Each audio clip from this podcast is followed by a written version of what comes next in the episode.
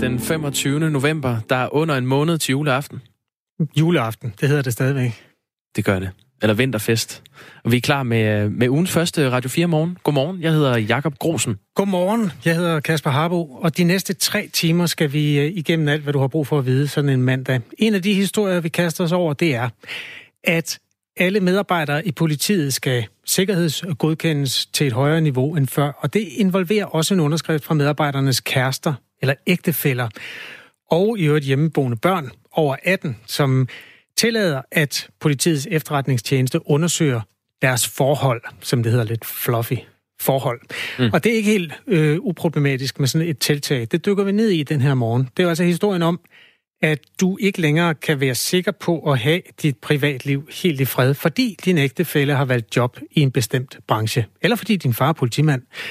Måske er det her øh, helt normalt og helt fint for dem, der står i situationen. Det ved vi jo dybest set ikke, før vi har talt med nogle af dem, der har prøvet det.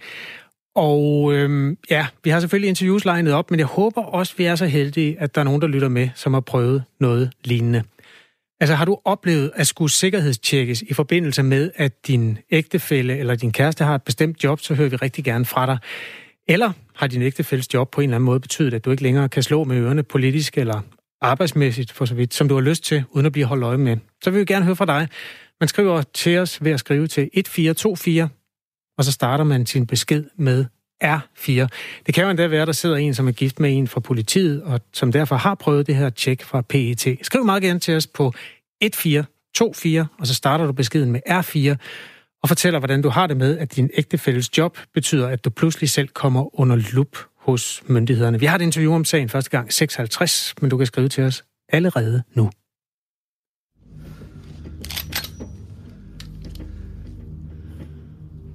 Skal du gå? Hvad? Hvor er du grim, mand. En stor, fed ko.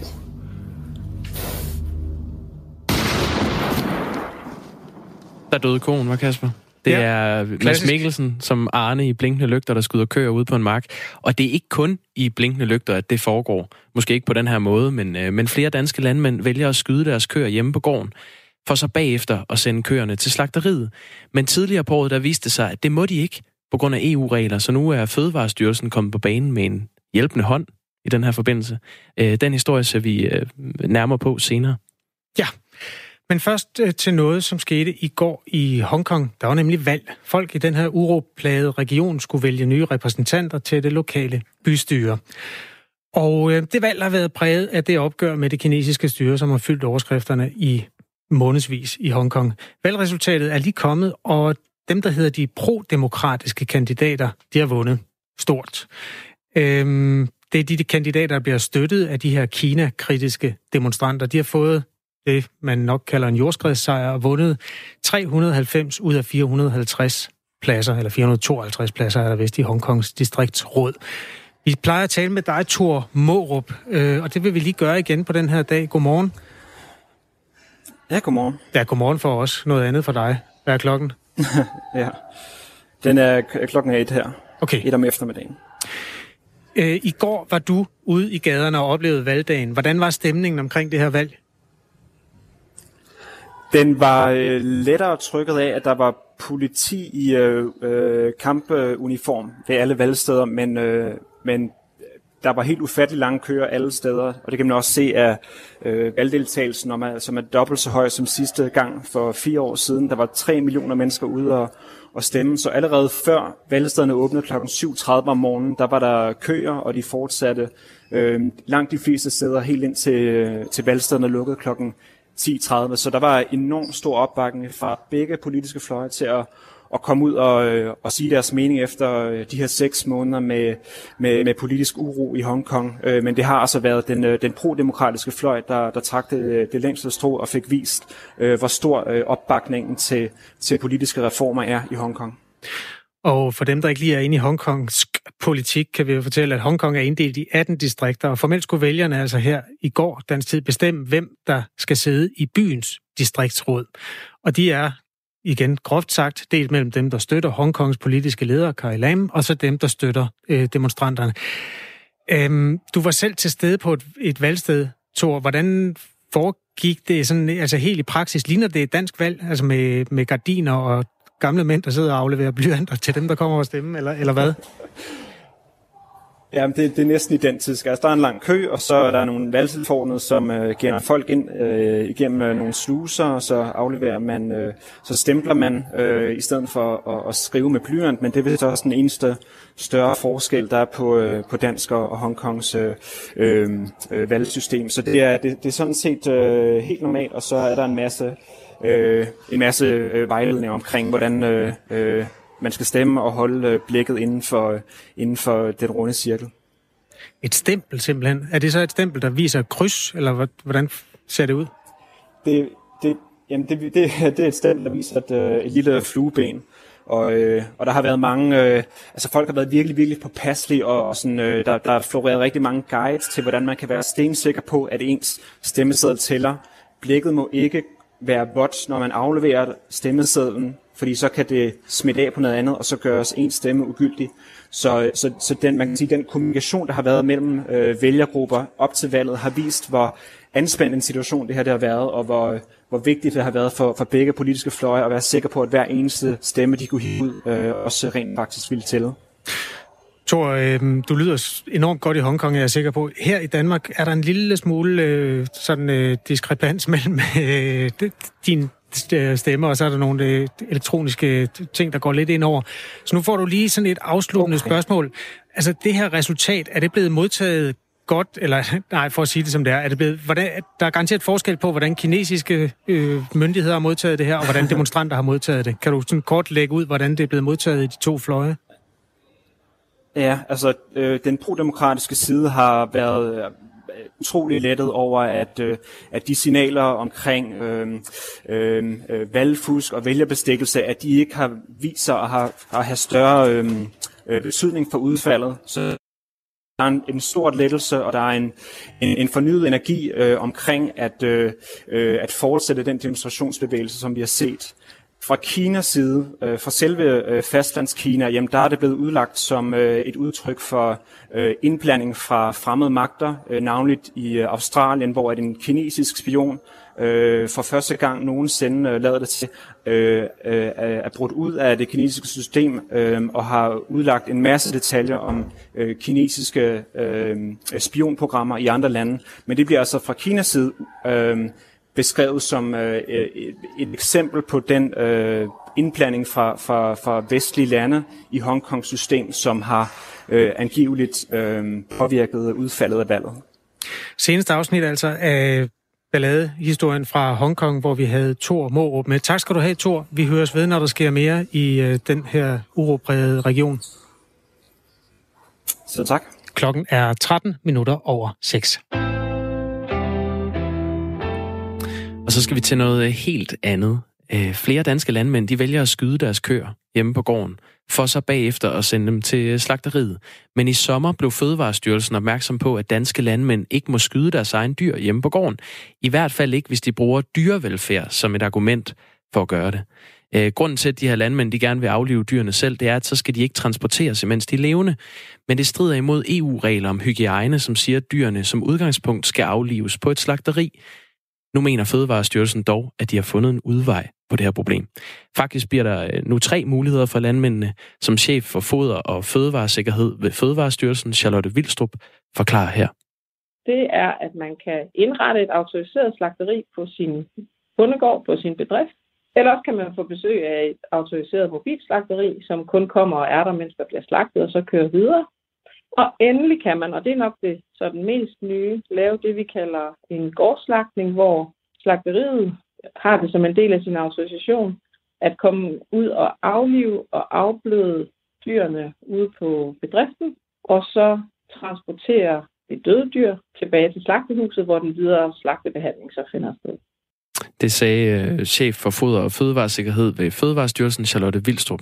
Og her på Radio 4, der var vi tidligere på måneden ude at besøge den østjyske kvægavler øh, Bjarne Larsen. Han er en af dem, der gerne vil kunne skyde sine køer hjemme på, øh, på gården. Det er god lige med sådan en morgenfrisering. ja, men det er lige uh, Usine, der kom hen, der hun er lidt nysgerrig, den hvide her. Så hun vil lige være lidt opmærksomhedskrævende, når der er nogle nye mennesker ude og, og kigge. Det kunne jo være, at de havde en strile med, ligesom jeg har her, så det blev ret lidt. Det kunne jo være lidt hyggeligt. Så står Pinocchio, han står derovre, det er en kald fra i år. Han er lidt mere, ah, vi behøver ikke lige komme over til dem her nu. Her. Dem kender vi ikke lige. Han er ikke så nysgerrig som uh, Usine her.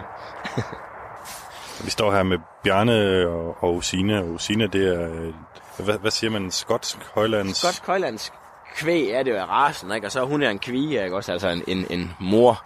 Og så er der måske 100 meter over til, til den anden ende af marken med, med en række birketræer, der står derovre.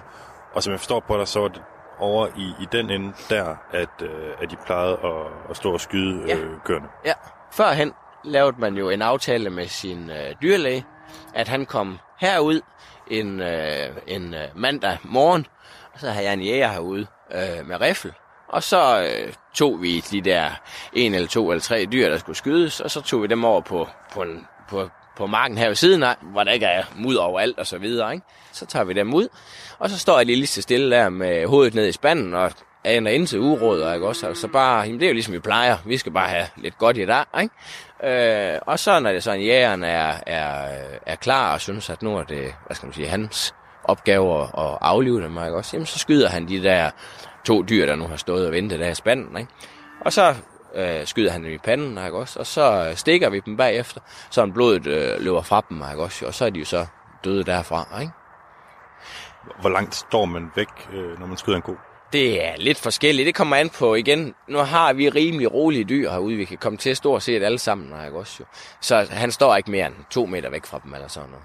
Det er jo helt hvad skal man sige, helt stille og roligt. Ikke? Også der lød bare et, et, et skrald, ikke? og så kiggede de, de andre kører der, de kiggede op, ikke? Også, og så, nå, vi spiser videre, der skete jo ikke noget der. Ikke? Også, så det, det, jeg, kan ikke, øh, jeg kan ikke se, at, at, hvorfor at vi ikke skulle må det. Øh, jeg kan ikke se ulempen i det, at, at, at vi ikke må aflive herude. Det, det kan jeg ikke se, fordi vi kender, vi kender dyr, og vi kender, øh, og dyr kender omgivelserne, og kender os og så videre. Ikke? Også, så, så det er da den mest humane måde at få nogle dyr herfra på. Sådan sagde kvægeavler Bjarne Larsen tidligere på måneden til os på Radio 4. Og nu har vi selv samme Bjarne Larsen med på en telefon fra sin gård ved Harlev i Østjylland. Godmorgen, Bjarne. Godmorgen. Godmorgen. Hvad, hvad synes du om den løsning, der er kommet nu? Jamen, øh, som udgangspunkt er det jo øh, et kæmpe skridt i den, øh, i den rigtige retning, at vi igen må, øh, må øh, aflive vores dyr på, på marken, at de skal til slagt, uden at de behøver at, at, at fejle noget. Ikke? Øh, at det behøver at være en nødslagtning. At, at det er jo fantastisk, ikke? Også, at vi må det øh, på nuværende. Så kan man jo så sige, at når vi har været lidt frem, vi har været igennem processen en gang, at så har vi har vi øh, må øh, sådan lidt mellem linjerne, og vi har gjort, og der er nogen, og, og dyrlæger osv. så har set gennem fingre med det, så kan man sige, så kommer der en forordning nu, hvor man tænker, at det er sådan, at jamen, hvor lang tid holder den? Men altså, lad os nu tage den positive hat på og sige, at øh, jamen, selvfølgelig er det noget, der holder, og det er afklaret, at de har fundet hul i, øh, i, øh, i EU, sådan at i deres store system, så vi, vi kan fortsætte med det også. Så øh, kun positivt herfra indtil videre, så øh, håber vi på, at det holder jo.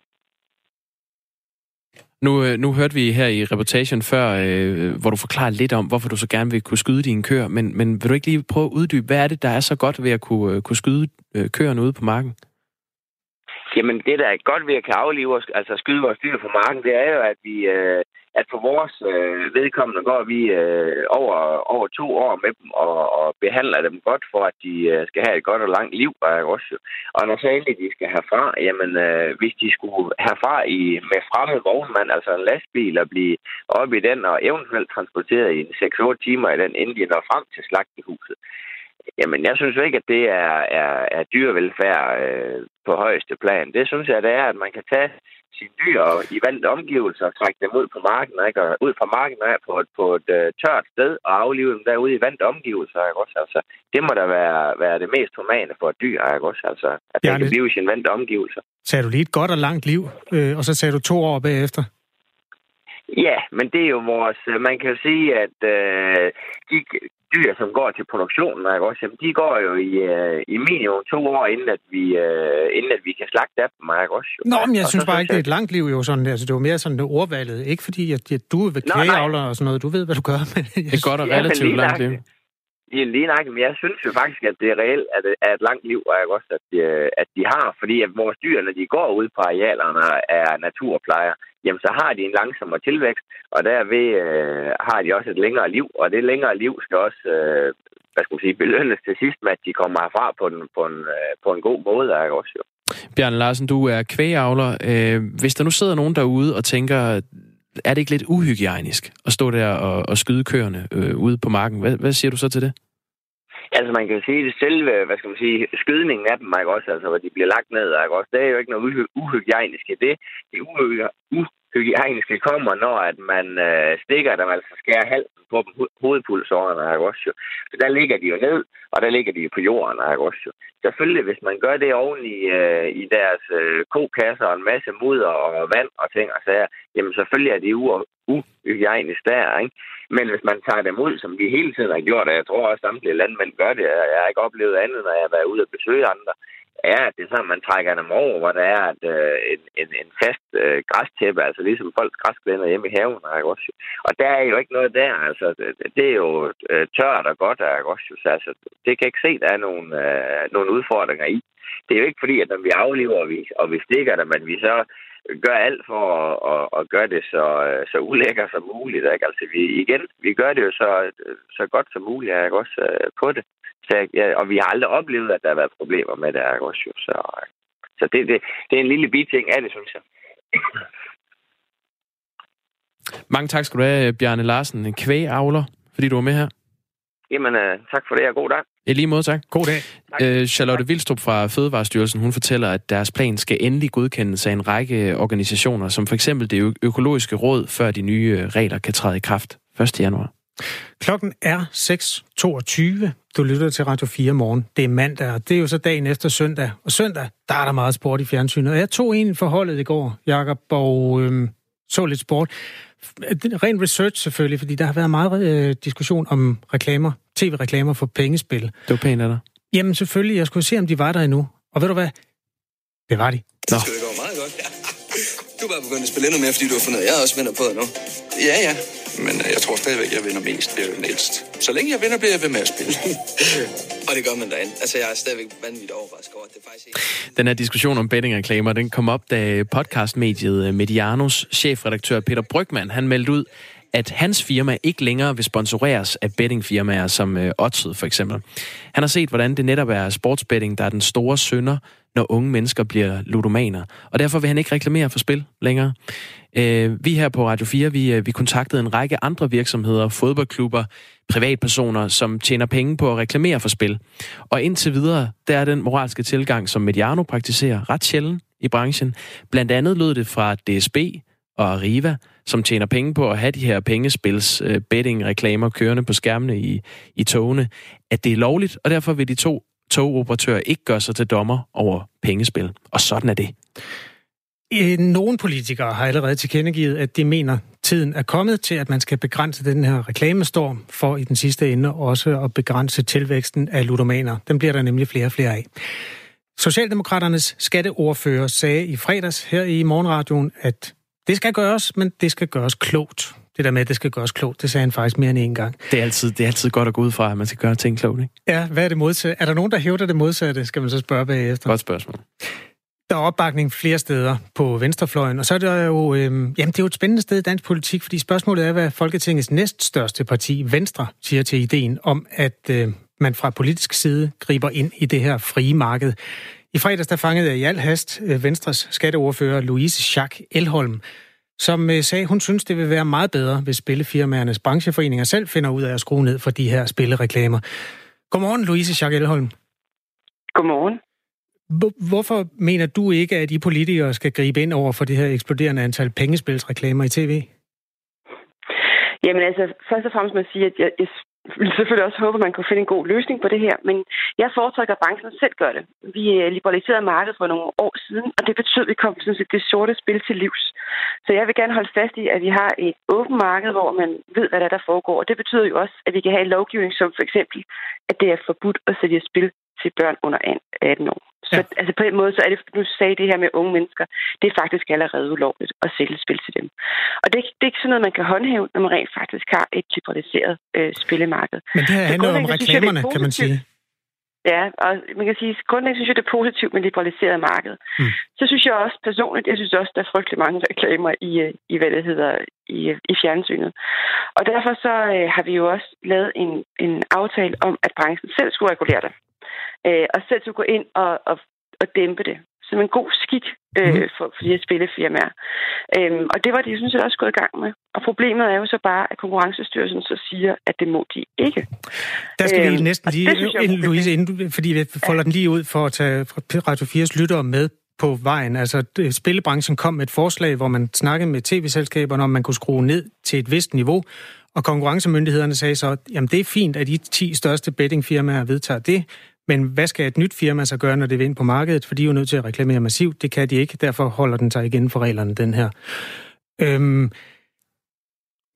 men bare for, sådan, inden vi går videre, ja, nej, at, synes du stadig, det er op til branchen selv at, at gøre det her? Eller skal det jeg politikerne? Ja, nej på. Altså, ja, det, jeg mener, nu må ministeren finde ud af, hvad kan man gøre? Altså, kan man gøre noget for at imødekomme branchen, at de kommer med et forsæt til, ja, hvordan kan man løse det her? Mm. Øh, det kunne måske være, at der stadig var en nedsætning i antallet af spilreklamer, men at der stadigvæk var luft for, for andre. Det kunne være andre ting, men det er jo ministeren, der har embedsværket til at finde ud af, hvad kan rent faktisk teknisk set lade sig gøre her. Jeg sidder med den rapport, som øh, spillebranchen lavede dengang de havde deres øh, forslag, det som jeg lige beskrev for lidt siden. Og der står der på, det er lige en rapport for mig, den er på otte sider, den er til at arbejde med. På side 3, der står der, og det er altså sådan spilbranchens analyse af sin egen øh, virke. Spil er for langt de fleste forbrugere en underholdende fritidsaktivitet. Der er dog enkelte spillere, der udvikler spilproblemer. Det hæfter jeg ja. mig ved, fordi øh, de skriver, at der er nogle enkelte spillere, og så i en rapport fra det Nationale Forsknings- og Analysecenter, der står der, der er 125.000 mennesker i Danmark, der har øh, problemer med spil. Hvem øh, tror du mest på? Ja, der, der kører forskellige tal rundt. Jeg tror, jeg også hørt et tal om 10.000 danskere. Og det kommer ja. an på, om det er folk, der har ludomani, eller om det er folk, som øh, er tidligere i processen. Og uanset hvad, så er en jo en for meget. Og derfor så skal vi jo gøre op med, med ludomani og have en aktiv indsats mod ludomani, for det er utrolig ulykkeligt, hvis man har ludomani.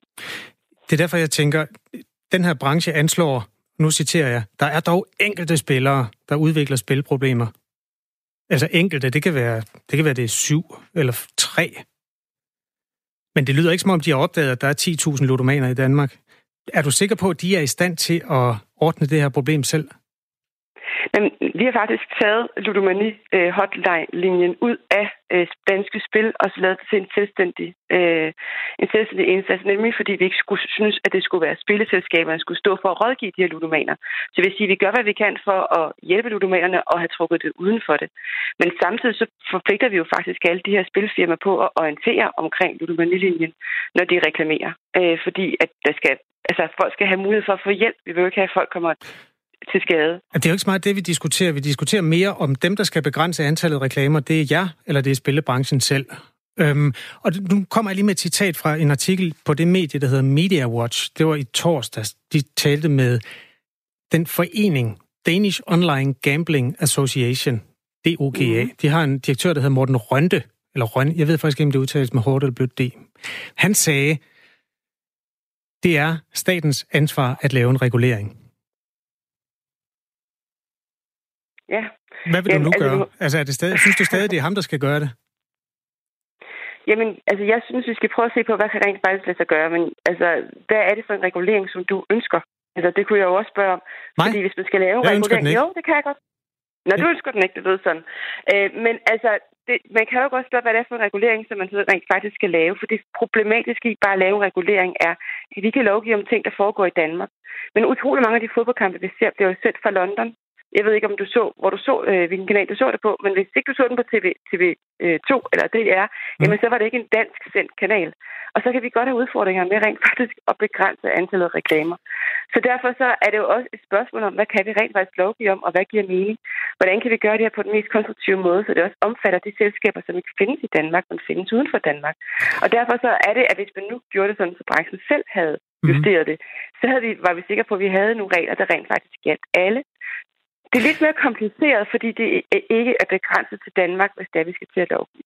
Men ved du hvad, du har en, øh, du har en god ven, som hedder Søren Gade. Jeg ved faktisk ikke, om I er gode venner, men I er medlemmer af samme parti. Han sidder i Europaparlamentet, og han har en lidt mere håndfast indstilling til spilreklamer. Jamen, jeg kan bare vende tilbage til både alkohol og cigaretreklamer. Der har vi jo på samfundets vegne taget nogle beslutninger for at begrænse øh, reklamer for øh, henholdsvis alkohol og cigaretter.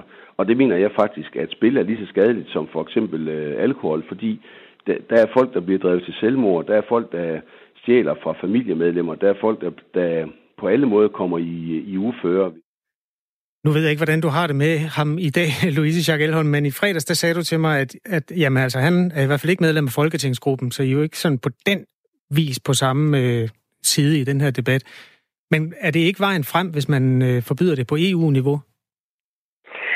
Jamen det kan han jo arbejde for. Han sidder i Europaparlamentet, og der er han med til at fastlægge vores politik på den europæiske plan. Øh, og derfor så har han jo rig mulighed for at prøve på at fremføre det her i Europa og få det gennemført. Man kan i hvert fald sige, at det vil ramme bredere, end hvis du gør det i Danmark. Så det har han i sin frie ret til.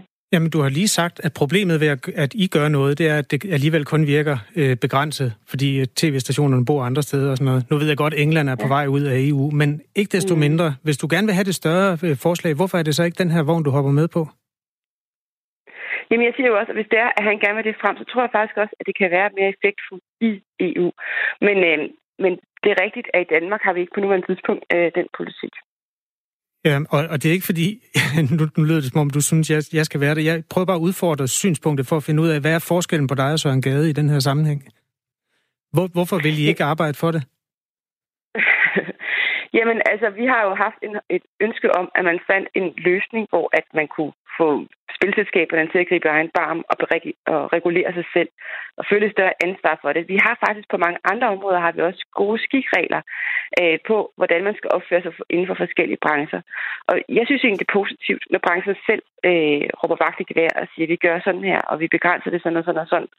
Også for, at man forpligter dem på en ansvarlighed over for de danskere, som de rent faktisk sælger varerne til. Og det synes jeg egentlig er den smukkeste måde, og det er den måde, jeg helst vil have, du kører på. Øhm, og nu er jeg klar over, at Konkurrencestyrelsen mener mm. ikke, at det er den måde, det kunne gå på. Men så synes jeg, man skulle fra ministeriets side, side se på, hvad kan så lade sig gøre i stedet for. Altså, jeg vil sige så meget, at øh, skatteminister Morten Bødskov har indkaldt øh, de her parter til et øh, møde den 4. december. Og hvis ikke du har hørt branchens indstilling før, så kan du lige få den som et nedlæg. Louise Jacques Elholm, Morten Rønte siger, det er statens ansvar at lave en regulering. Han gider ikke at gøre det. Men øh, den, den snak kan I tage. Det kan være, du kan snige dig med til mødet hos skatteministeren 4. december. Tak fordi du var med. Selv tak. Du lytter til Radio 4 morgen. Vi har fået Anne Philipsen, vores nyhedsvært, i studiet. Klokken den er 6.30.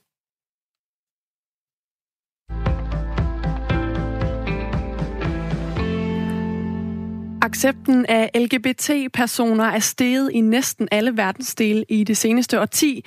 Det viser et nyt indeks af den britiske tænketank Legatum Institute, det skriver nyhedsbyrået Reuters. Den samlede tolerance over for minoritetsgrupper er steget i 111 ud af 167 lande de seneste 10 år, viser den her opgørelse. Island er verdens mest tolerante land over for seksuelle minoriteter i indekset. Herhjemme der indtager vi i Danmark en femte plads på det her indeks. I den anden ende af skalaen, der ligger det asiatiske land Tajikistan og lande som Somalia, Azerbaijan og Senegal. I den del af indekset, der er der stadig flere lande, hvor homoseksualitet er ulovligt, og hvor homoseksuelle mænd risikerer dødsstraf. Der er hjælp på vej til børn med traumer i Grønland. Hver tredje barn, der blev født i Grønland i 1990'erne, har ifølge Statens Institut for Folkesundhed haft en barndom med alkoholiserede forældre og vold i hjemmet, og hvert femte barn har været udsat for seksuelle overgreb. En del af dem risikerer at opleve posttraumatisk stress på samme måde, som soldater kan få krigstraumer. Men en ny Ph.D.-afhandling fra Syddansk Universitet har udviklet og tilpasset nogle forskellige redskaber nu, der kan opspore og behandle børn med traumer, og de skal bruges i Grønland, det skriver Kristligt Dagblad.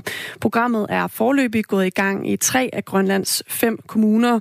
En del af det går ud på, at man bruger nogle forskellige redskaber, som en legetest og en tegneserietest, for at give psykologerne indblik i, hvordan barnet oplever verden. Ifølge Naja Lund Kielsen, der er psykolog og leder af et familiecenter i Grønland, så udfylder det nye redskab et stort tomrum, hun oplever, at børn i dag, der er blevet misbrugt seksuelt eller har været udsat for vold, de må vente på behandling, selvom at de åbenlyst mistrives, siger hun. Verdens største havvindmølleejer Ørsted foreslår, at man bygger et, en gigantisk vindmøllepark på Bornholm. Det skriver politikken. Regeringen og dens støttepartier har skrevet ind i deres forståelsespapirer for de kommende års politik, at det kunne være en idé at bygge en kunstig energiø i Nordsøen med hundredvis af havvindmøller, der så kan levere el til landene omkring den. Men hos Ørsted, der mener havvindmøllechef Martin Neubert, at det er mærkeligt at bygge en kunstig ø, når Danmark allerede har en granitø i Østersøen i form af Bornholm. Bornholms borgmester Vinnie Gråsbøl, hun tager godt imod ideen.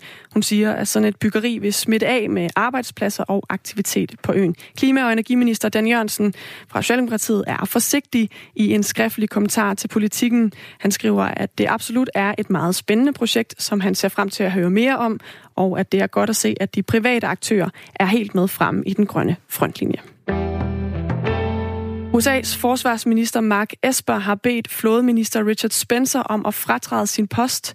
Det gør han som følge af Spencers håndtering af en sag om en ansat i flådens specialstyrker, som er blevet beskyldt for krigsforbrydelser. Flådeministeren bliver beskyldt for at være gået uden om forsvarsministeren, og det har altså fået Mark Esper til at miste tilliden til flådeministeren, lyder det. Demokratibevægelsen har fået massiv opbakning i Hongkong ved det distriktsvalg, der blev afholdt i går. Efter de fleste stemmer er talt op her til morgen, der viser resultatet, at pro-demokratiske kandidater har vundet 90 procent af pladserne i Hongkongs distriktsråd. Det oplyser lokalmediet RTHK ifølge Reuters. Ifølge mediet er der kun en enkelt plads, der mangler at blive fordelt. Tidligere der var alle 18 råd under kontrol af kandidater, som støtter det kinesiske styre. Får en dag med skyet vejr, men også tørt vejr de fleste steder i Nordvestjylland. Der kan der en overgang komme regn. Temperaturerne ligger mellem 4 og 7 grader.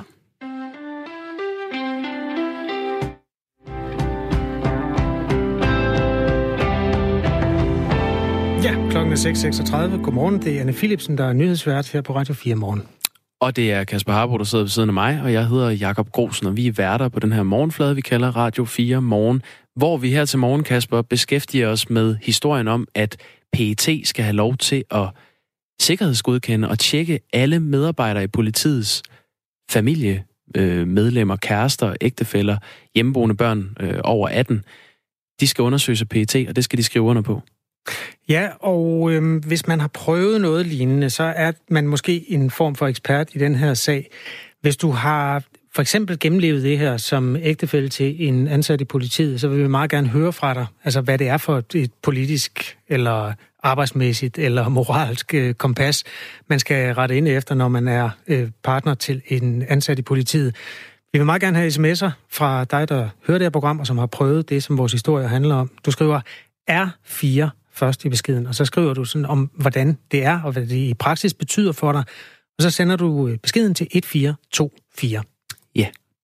Og så skal vi til en helt, helt øh, anden historie, Kasper. Øh, tysk, fransk og spansk studierne på de danske universiteter, de øh, tiltrækker stadig færre studerende.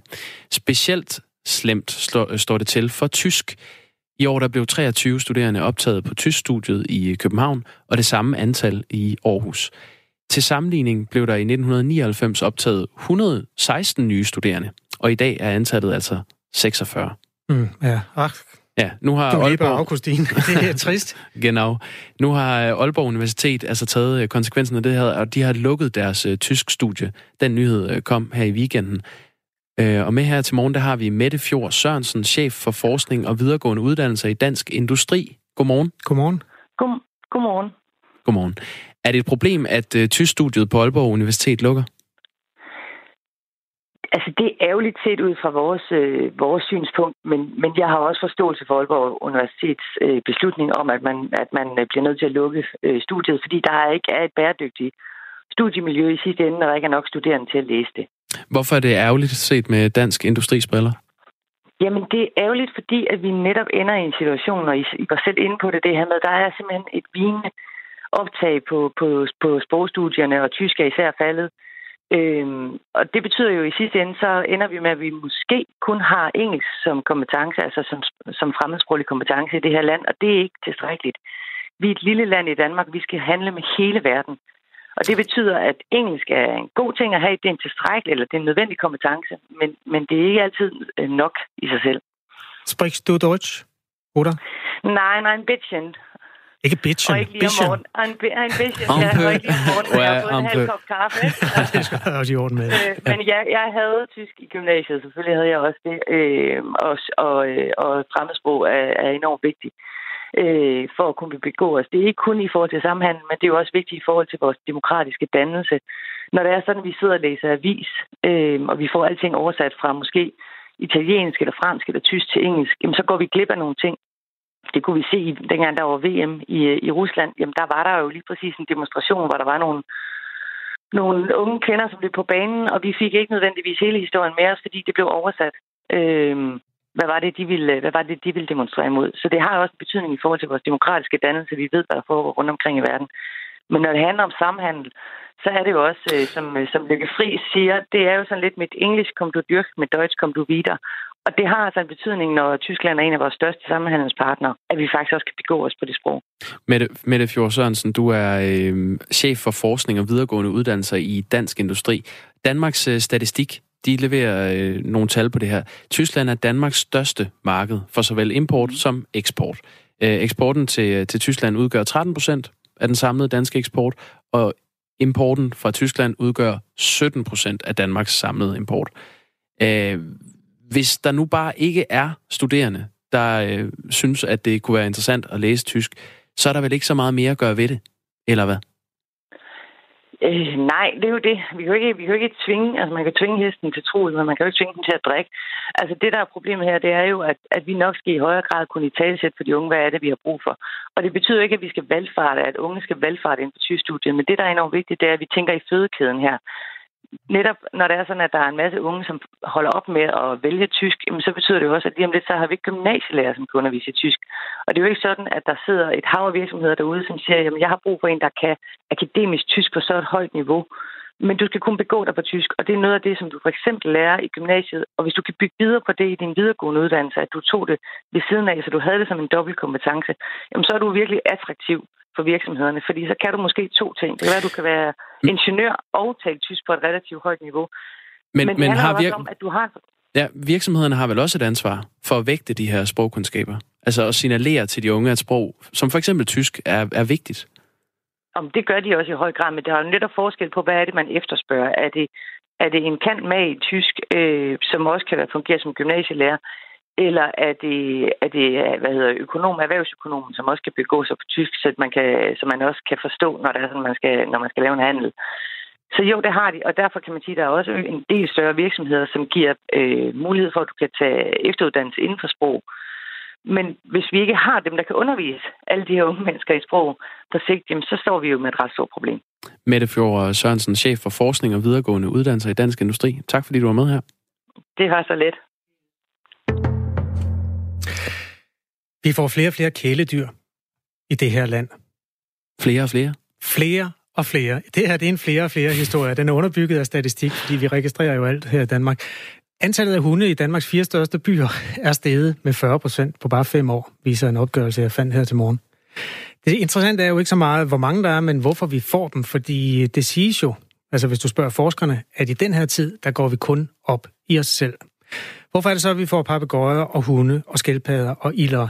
Det har vores kollega Christina Sølling Møller sat sig for at undersøge. Hun er taget ud i verden sammen med sin hund og har mødt adfærdsbehandler Vinnie Stubkær Laversen i første udgave af denne uges Tæt på.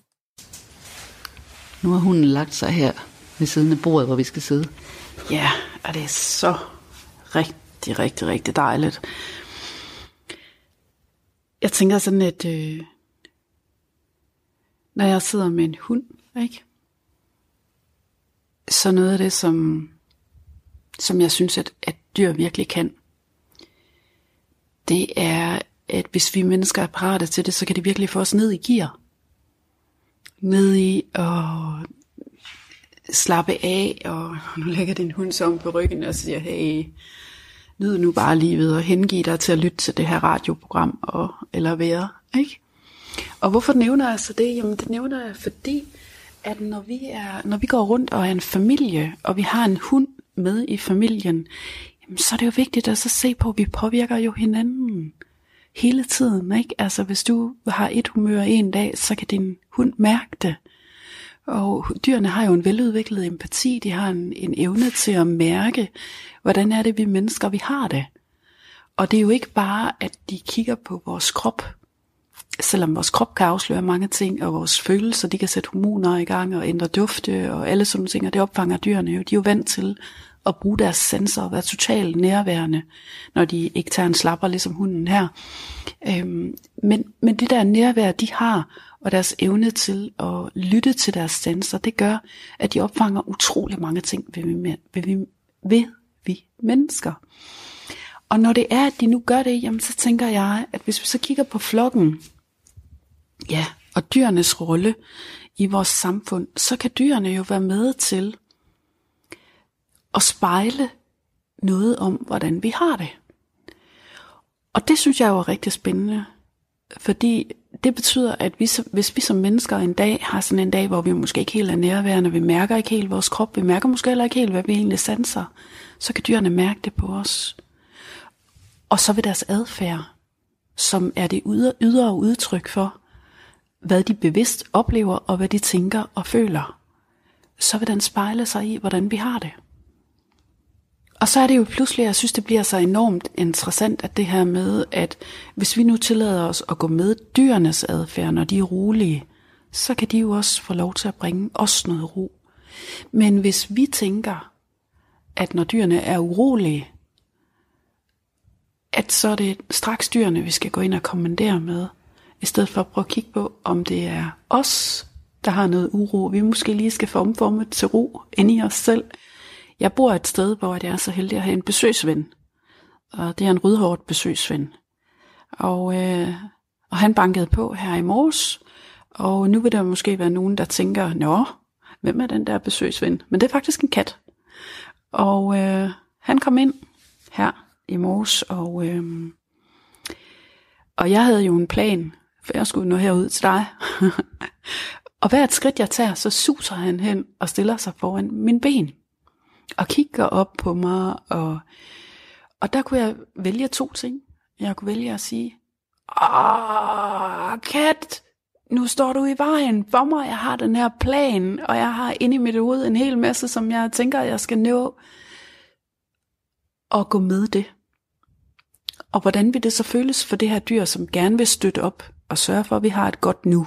Og jeg går der og er... Så bliver dyret frustreret. Ja, så, og hvad sker der så, når man gerne vil have et kærligt bånd med nogen? Og man er frustreret over, at de ikke hører efter. Hvad gør man så? Ja, så insisterer man. Så insisterer man, eller så opgiver man agtigt. Ikke? Og det jeg så tænker, det er, at jeg tænker, okay, hvad kan jeg gøre lige nu? Det jeg kan gøre, det er rent faktisk han har gået i mange timer alene, og gået og glædet sig til, at vi kunne have noget tid sammen. Og så uforskammet er det det, og så ignorere, hvis man har fået en gæst, ikke? Altså, hallo, agte. Nå. Så med et smil, så bøjer jeg mig ned, og så tænker jeg, okay, prøv at høre her, vi skal bare lige have noget nærværstid her. Nærvær er, når vi er tankemæssigt og følelsesmæssigt bevidste i det nu, der er. Og bevidste betyder, at vi er nærværende. Altså at vi ikke tænker på alt muligt andet. At vi ikke tænker på alt muligt andet. Vores hjerne har det jo med et af de symptomer, der kan opstå, når man er stresset, eller begynder at være stresset, eller er på vej ud af stress, for at sige det sådan. Det er, at hjernen den har en tendens til at gerne vil have kontrol over ting. Den vil gerne have ting i rammer, og den vil gerne have mønstre og alle sådan nogle ting. Altså alting lagt fast. Hvis man så skal hengive sig til nuet og er meget stresset, så kan hjernen godt finde på at gå ind og indvirke på en sådan måde, at den siger, du skal måske også lige, du skal måske også lige, du skal måske også lige, du skal måske også lige.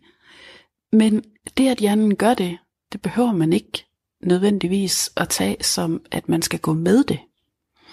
Så det, jeg tænkte her i morges, det var, at jeg tænkte, okay, den her insisterende kloge kat ved, at jeg lige der faktisk kan have gavn af at lige sætte mig ned og bare lige være med ham. Og han kunne have gavn af, at jeg bare var med ham. Så jeg tænker, okay, prøv at høre, sæt dig ned, Vinnie, bare vær med ham. Og hvad sker der så, når det er, at jeg sidder der med den her sådan kat, og vælger at få det bedste ud af nuet, være helt nærværende. Hov, hørte du, hvad din hund gjorde? Ja. Ja, og hvad var sukket? Det var sådan et, et befriende. Ah, hvor er det dejligt. Agtigt, ikke også? Og det er sådan meget god, og nu ligger din hund så om på ryggen her og understreger det der med, hengive jer nu for pokker mennesker. Brug det lidt mere nærværende og aktivt. Og så sidder vi der, og vi har brugt 10 minutter på at bare sidde. Og da katten kan mærke, at nu er der bare helt ro på, og vi er helt forbundet, og hans indre guldbæger er tanket op. Så siger han så, nu skal jeg videre i dag. Ikke? Og hvordan bliver hans dag så resten af dagen? Og hvordan bliver min dag? Og hvordan bliver mennesker, der sidder derude, hvis de bruger 10 minutter på øh, dybt nærvær for hjernen til at slappe af, og bare være fysisk, og, og så når vi går ud i verden og skal på arbejde, eller hvad vi nu skal, så det meste mange timer, vi er vågne, hvis vi har sørget for at have en kærlig og nærværende og god start på dagen, og også givet det til vores dyr, så er der bare et bedre fundament for, at dagen bliver god, eller sandsynlighed for det, end hvis det er, at vi har sparket til katten, så den er fløjet ind i væggen, og råbt og skrevet af hunden, ikke? eller hvad det nu er, at folk de kan finde på at gøre. Så det der tankemøller, vi kan have, som, som øh, sige, kan være en hindring for, for nærvær, det mener du ikke, dyrene har. De har bare et nærvær. Altså, jeg mener, at dyr kan have mange tanker, og forskningen viser jo, at de er bevidste væsener med tanker og følelser. Det jeg har lært fra dyrene af, det er, at de tanker, de gør sig, det er tanker, der reelt er grund til at gøre sig. Forstået sådan, at vi mennesker, vi kan finde på at have en hel masse tanker. Bare prøv at fortælle dine her i løbet af i dag, ikke? Mm. Og mange af dem er jo tanker, som vi faktisk, som bare kommer og går og fylder. Dyrene bruger kun tid på at tænke på det, som de synes, der giver mening at tænke på. Som de kan bruge til noget. Sagde altså Vinnie Stubkær Laversen, som øh, vores kollega Christine Sølling Møller har besøgt som et led i Tæt på-serien, som jo er en øh, reportageserie, der kører hver formiddag. Det første afsnit kommer 10.05. Og øh, når det store spørgsmål var, hvad kan de der dyr lære, så var det jo altså blandt andet at slappe af. Der er en af Radio 4's morgen, øh, Radio 4 Morgens lyttere, der skriver ind til os, nu er vi da alle sammen faldet i søvn igen. Nå. Så, ja. Det kan du lære af dine dyr. Klokken er 8 minutter i syv. Lige nu er øh, samtlige medarbejdere i øh, Nordjyllands og Københavns politi og deres ægtefæller, kærester og hjemmeboende børn over 18 år i gang med at skrive under på, at PET godt må undersøge deres forhold, som det hedder. Godmorgen, Claus Oxfeldt. Ja, hold lige hesten et øjeblik, Jacob. Den er lige på trapperne, den gode Oxfeldt. Jeg Nå, men Claus Oxfeldt, han er forbundsformand i Politiforbundet. Godmorgen, Claus Oxfeldt. Godmorgen. Den her øh, sikkerhedsgodkendelse skal samtlige af dine medlemmer, inklusive der, dine medlemmers partnere og børn, igennem i løbet af det næste års tid. Hvad mener du om, at øh, de skal igennem sådan en sikkerhedstjek?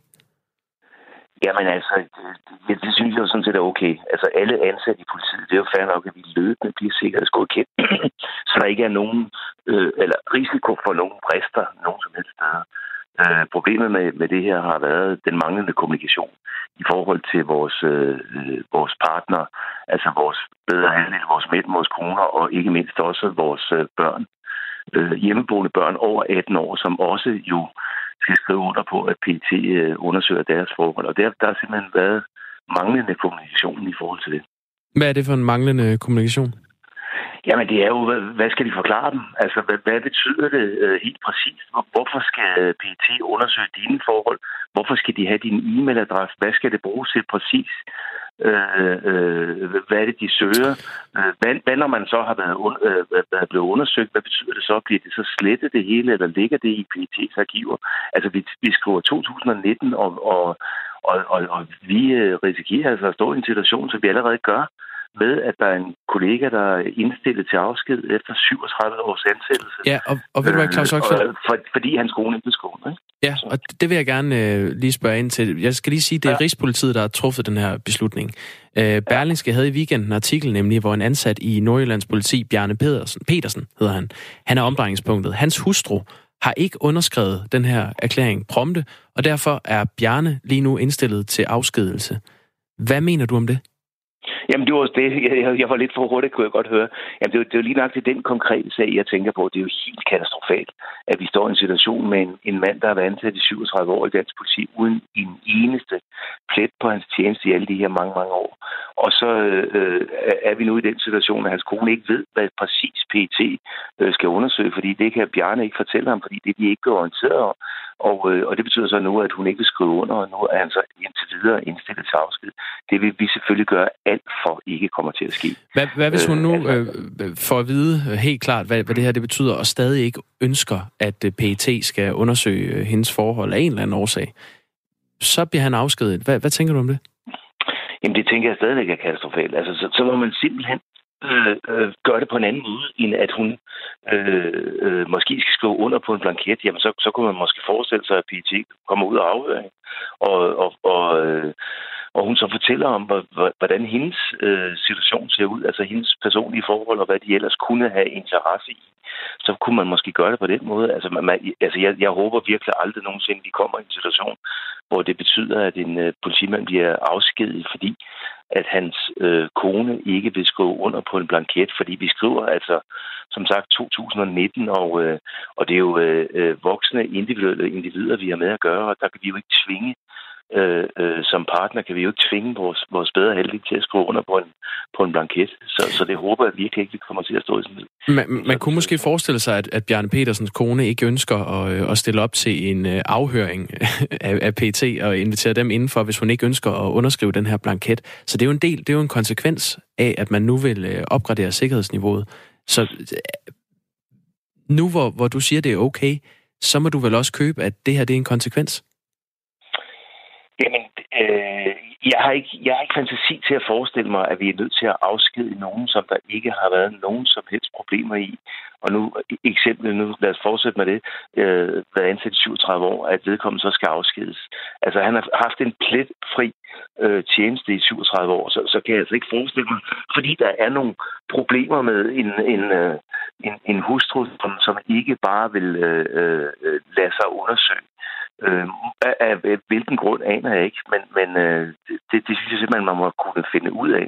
Altså, det vil være helt katastrofalt med, med et pressepoliti, at vi så også skal begynde at afskedige nogen, fordi at en, øh, en kone ikke ønsker at medvirke i en, øh, i en undersøgelse. Ina Eliassen, hun er HR-direktør i Rigspolitiet. Hende taler vi med senere øh, her til morgen, men hun har sagt til Berlingske, afskedelse kan blive et nødvendigt skridt, men man skal se på det større formål, sikkerheden i dansk politi.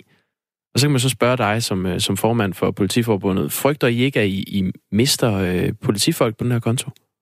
Jo, lige præcis. Altså det er også derfor, jeg har øh, så sent som i fredags talt med Ina Eliassen lige nok om det samme, at det er vigtigt, at der kommer meget mere kommunikation omkring det her øh, tiltag, som de nu har iværksat. Altså vi ved alle sammen som politifolk, at øh, vi kan blive undersøgt fra tid til anden. Vi blev, da vi blev ansat i politiet, afleverede vi vores fingeraftryk øh, øh, og, øh, og, og der, der blev tjekket øh, inde i register, hvis der var nogle uafklarede sager. Altså, øh, og så hvis det så viste sig, at der var en af de politifolk, der var blevet ansat. Jeg har faktisk, jeg har faktisk hørt om et enkelt eksempel, og det er altså øh, mere end 30 år siden, øh, hvor, hvor, det faktisk, øh, hvor der faktisk var en gerningsmand, som, som egentlig var blevet ansat. Så selvfølgelig ingen problemer i, at vi bliver undersøgt. Det, der har været galt her, det er simpelthen, at vi har ikke været klar over, øh, så detaljeret, hvordan man også skulle have fat i vores, øh, vores familie i, i den her øh, forbindelse. Man kan jo også godt forestille sig, at der er en politimand, der har været ansat, øh, som hvis øh, søn øh, udvikler sig i en uheldig retning, mens han er, han er ansat i dansk politi, skal han så også afskedes, fordi at, øh, at, at han har en søn, der er øh, måske gået hen og blevet kommet ned. Øh, det, tror jeg ikke, og det har vi også eksempler på, og det har man helt styr på i dansk politi. Så jeg håber og tror, at man kan løse det her på en mindelig måde, og en mindelig måde, det er bestemt ikke ved at foretage afsked af, af ansatte i dansk politi.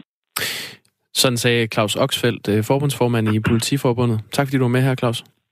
Selv tak. Vi har Ina Eliassen, HR-direktør i Rigspolitiet med øh, senere på morgen, som sagt.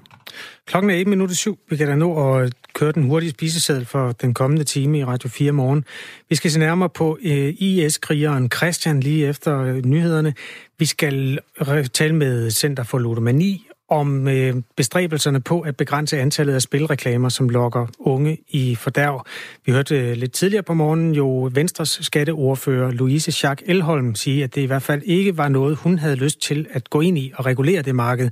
Problemet er så, at spillebranchens egen organisation siger, det er politikernes job at regulere, hvor mange reklamer der skal være. Ja, og, og nu vi taler om spil, mm. så skal vi også øh, til en vanvittigt fascinerende historie om en fodboldspiller, som måske ikke er fodboldspiller, men som er blevet hyret af fodboldklubben øh, Viborg, FF. Det er en på tusind måder smuk historie om en øh, hollandsk herre, der hedder Verhagen. Hvis der er nogen, der kan huske Anna Kastberg, så gang den med 10 og give hende en fodbold ind i hovedet. Sådan, se det for dig. Vi tager historien om 45 minutter. Lige nu er Anne Philipsen kommet i studiet.